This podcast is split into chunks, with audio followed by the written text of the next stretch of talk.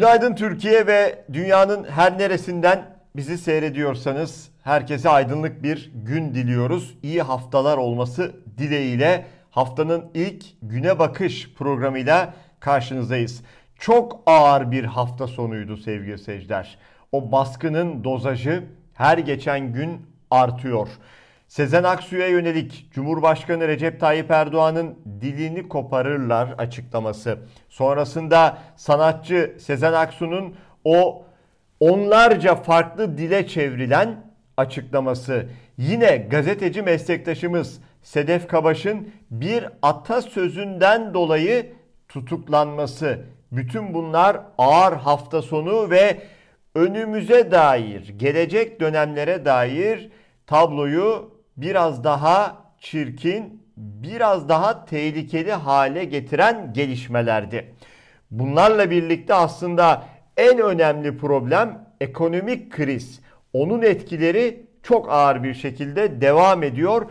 Aslına bakarsanız bir taraf diyor ki bütün bunlar bu krizin etkilerini, hayat pahalılığını unutturmak için bir gündem değiştirme operasyonu. Ama bir kesim de diyor ki artık bunlar gündem değiştirme operasyonunun çok çok ötesine geçti.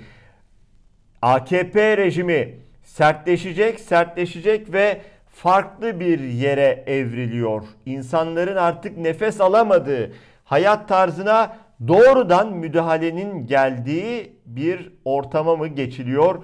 Bütün bunları bugün bu programda konuşacağız. Bakın dışarıdan baktığınızda ülkedeki ekonomik tabloya gerçekler çok daha net görülebiliyor. Bir Alman ekonomi dergisi bütün bu olanları yazdı ve Erdoğan korkuyor diyorlar. Almanya'da yayın yapan haftalık ekonomi dergisi Wirtschaft Woske Türkiye'de yaşanan ekonomik krizi mercek altına aldı. Erdoğan korkuyor dendi. Sözcüden Ali Gülen'in haberine göre dergi enflasyon artışının nedeni dış güçler değil. Erdoğan'ın 2023 seçimleri kaygısıyla faiz arttıramaması yorumunu yaptı. Alman Ekonomi Dergisi Cumhurbaşkanı Erdoğan'ın ekonomi politikasını geniş bir analizle ele aldı. Makaleyi Malte Fischer kaleme aldı. Makalede Türk halkının düştüğü sefalet nedeniyle Erdoğan'a destek azalıyor. Enflasyon hızla artıyor ama Merkez Bankası faizi yükseltmemekte direniyor. Bunun etkileri Avrupa'ya uzanıyor. Burayı da olumsuz etkiliyor denilirken Almanya'da enflasyonun %5.3'e çıktığını ama Türkiye'de %36 olarak açıklandığı kaydedildi. Yazıda esnafın hemen her gün etiket değiştirmek zorunda kaldığına, et ve birçok gıda maddesinin Türk halkının büyük bölümü için artık lüks olduğuna değinildi. Makalede Erdoğan büyük olasılıkla yüksek faiz gelirse ekonominin çarklarının durmasından ve dolayısıyla en geç Haziran 2023'te yapılması planlanan Cumhurbaşkanlığı seçimini kazanamamaktan korkuyor. Erdoğan Merkez Bankası yönetimini kendisi seçiyor ve faiz tavsiyesine isyan ederlerse görevden alıyor. Türkiye'deki kriz Erdoğan'ın halkı inandırmaya çalıştığı gibi dış güçlerin saldırısı değil, çıkarların siyasallaşmasının sonucudur diye yazdı. Evet, Türkçe'ye çevrilen o önemli makalenin şu kadarcık birkaç dakikalık bölümünde adeta Türkiye'de son dönemde olanın bitenin, ekonomik tablonun Erdoğan'ın güya sözüm ona ekonomi politikalarının ki bir politikası var mı bilmiyoruz şu anda yok. Bir özeti gibi fotoğrafı çekilmiş, röntgeni çekilmiş gibi dışarıdan bakılınca çok daha net analiz yapılabiliyor. İşte bütün bu gerçek tabloyu konuşturmamak adına yazana, çizene, konuşana, birazcık eleştirene, o saraya biat etmeyen kim varsa baskı var. Ve baskının dozu her geçen gün artıyor sevgili seyirciler. Gazeteci Sedef Kabaş sadece ve sadece bir programda bir atasözünü söylediği için, birebir atasözünü okuduğu için tutuklandı. Bakın Sedef Kabaş'ın tutuklanması dünyada nasıl yankı buldu? Gazeteci Sedef Kabaş tutuklandı. Kabaş Tele1'de katıldığı programda çok meşhur bir söz vardır. Taçlanan baş akıllanır diye. Ama görüyoruz ki gerçek değil. Ya da tam tersi bir söz vardır. Büyükbaş hayvan bir saraya girdiği zaman o kral olmaz. O saray ahır olur ifadelerini kullanmıştı.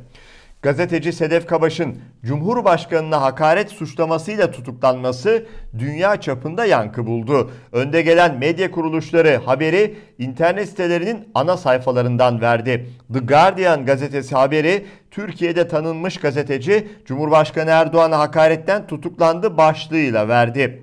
Haberde Sedef Kabaş bir atasözünü dile getirmekten dolayı hapis cezasıyla karşı karşıya. Meslektaşları bu tutuklamayı medyayı sindirme girişimi olarak kınadı denildi.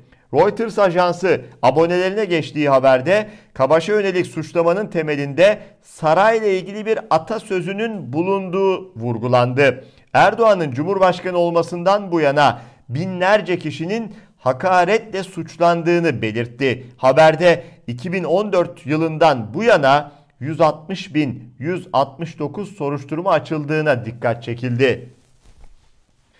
Evet dünyaya bu aktarılıyor. Dünyadaki algı bu. Düşünebiliyor musunuz? Yabancı Avrupa'daki insanlar dünyanın farklı ülkelerinde özellikle gelişmiş ülkelerde demokrasinin, hukukun, insan haklarının ve ifade özgürlüğünün olduğu insanların ifadelerini çek, e, aktarırken çekinmedikleri, korkmadıkları ülkelerde şu habere bakar mısınız sevgili seyirciler? Bir televizyon programında bir gazeteci bir atasözünü kullanıyor ve oradan bir örnek veriyor.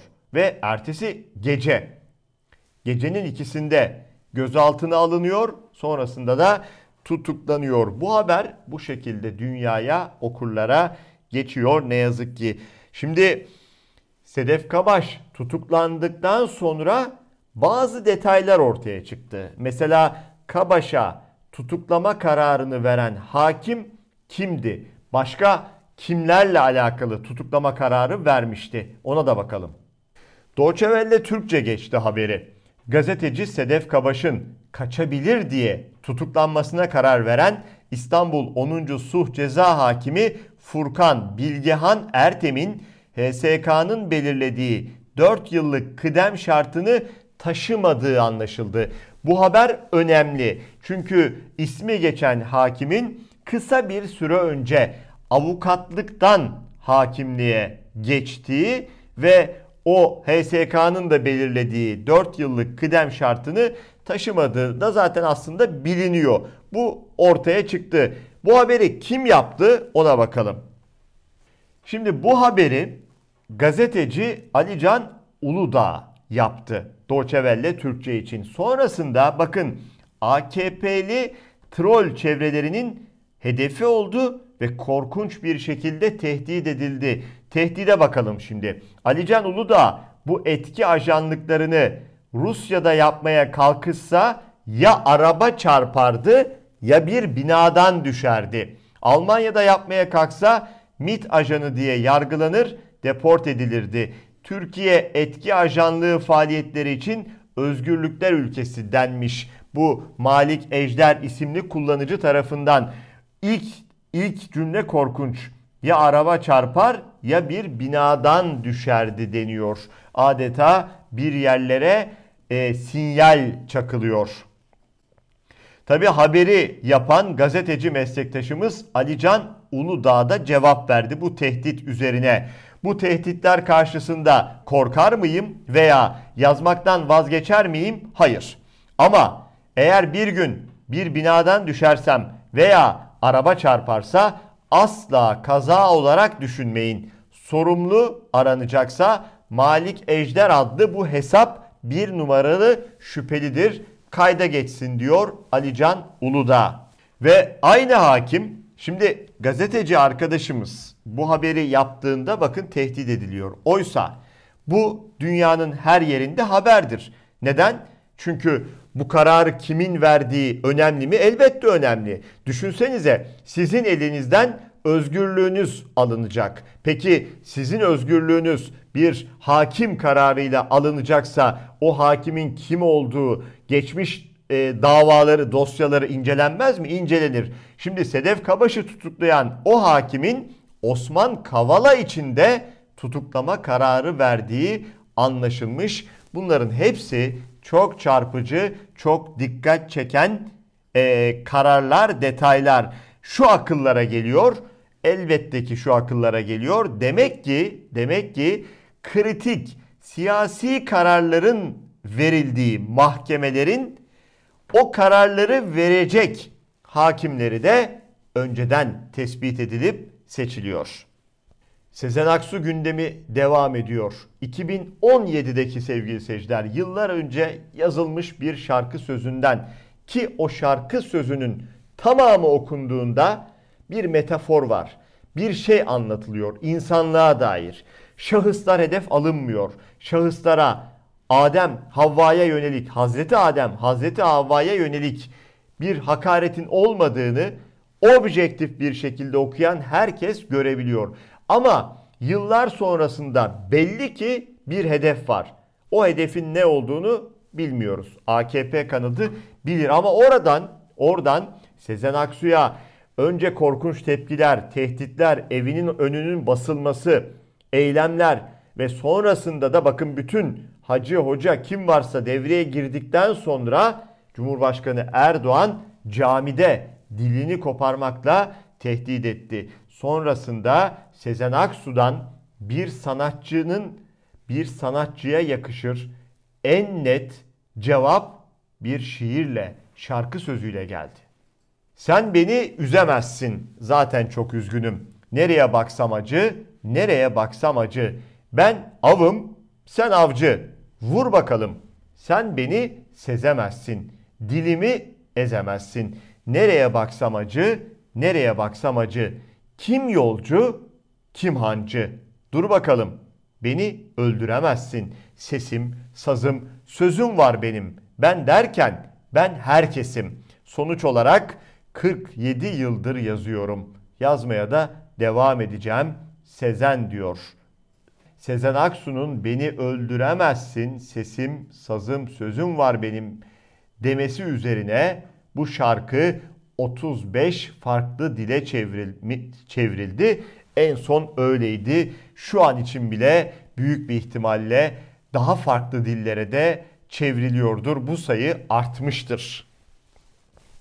Manşetlere konu oldu. Evrensel Gazetesi korkmuyoruz manşetini bu şekilde atmış.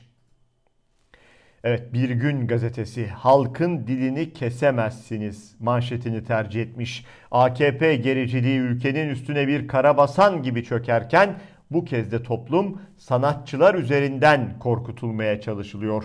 Sadece Sezen Aksu değil, Tarkan toplumsal duyarlılığı olan bir sanatçı. Paylaşımlar yapıyor, hedef gösteriliyor. Gülşen sevgili seyirciler kıyafeti üzerinden o da sahne kıyafeti hedef alınıyor.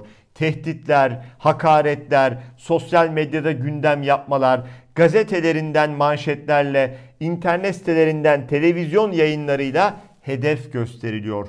Korkunç bir atmosfere sürükleniyor ülke. Hukukçu Kerem Altıparmak, Sedef Kabaş tutuklaması Sezen Aksu olayından ayrı düşünülemez.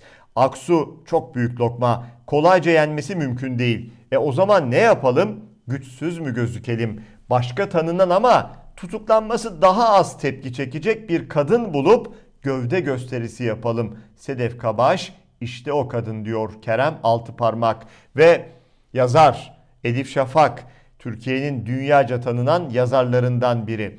Kelimelerden kıyafetlere türlü bahanelerle hem gündem değişsin diye hem cesur, sesi gür kadınlar susturulsun diye bunca baskı. Sezen Aksu, Gülşen, Sedef Kabaş her biri kendi alanında çok kıymetli işler yapan kadınlar tek tek hedef alınıyor. Kadınlar kadınları yalnız bırakmayacak demiş Elif Şafak. Bu baskının arttığı ülkede bir de zaten devam eden bir baskı ve bunun mağdurları var. Toplumda çok geniş bir kitle. Mesela o hal sonrasında KHK'larla her türlü hayatı elinden alınan on binler, yüz binler var sevgili seyirciler. Tutuklananlar var, Tutuklanmayıp ekmeğini işini kaybeden insanlar var. Tek bir mahkeme kararı olmadan bütün hakları elinden alınan, adeta hayatı çalınan insanlar var. Ve bu insanlara ne diyorlardı? Bir OHAL komisyonu kurmuşlardı. Yalandan 15 Temmuz sonrası. Sanki mağduriyetleri giderecek bir yapıydı da başvurular oldu.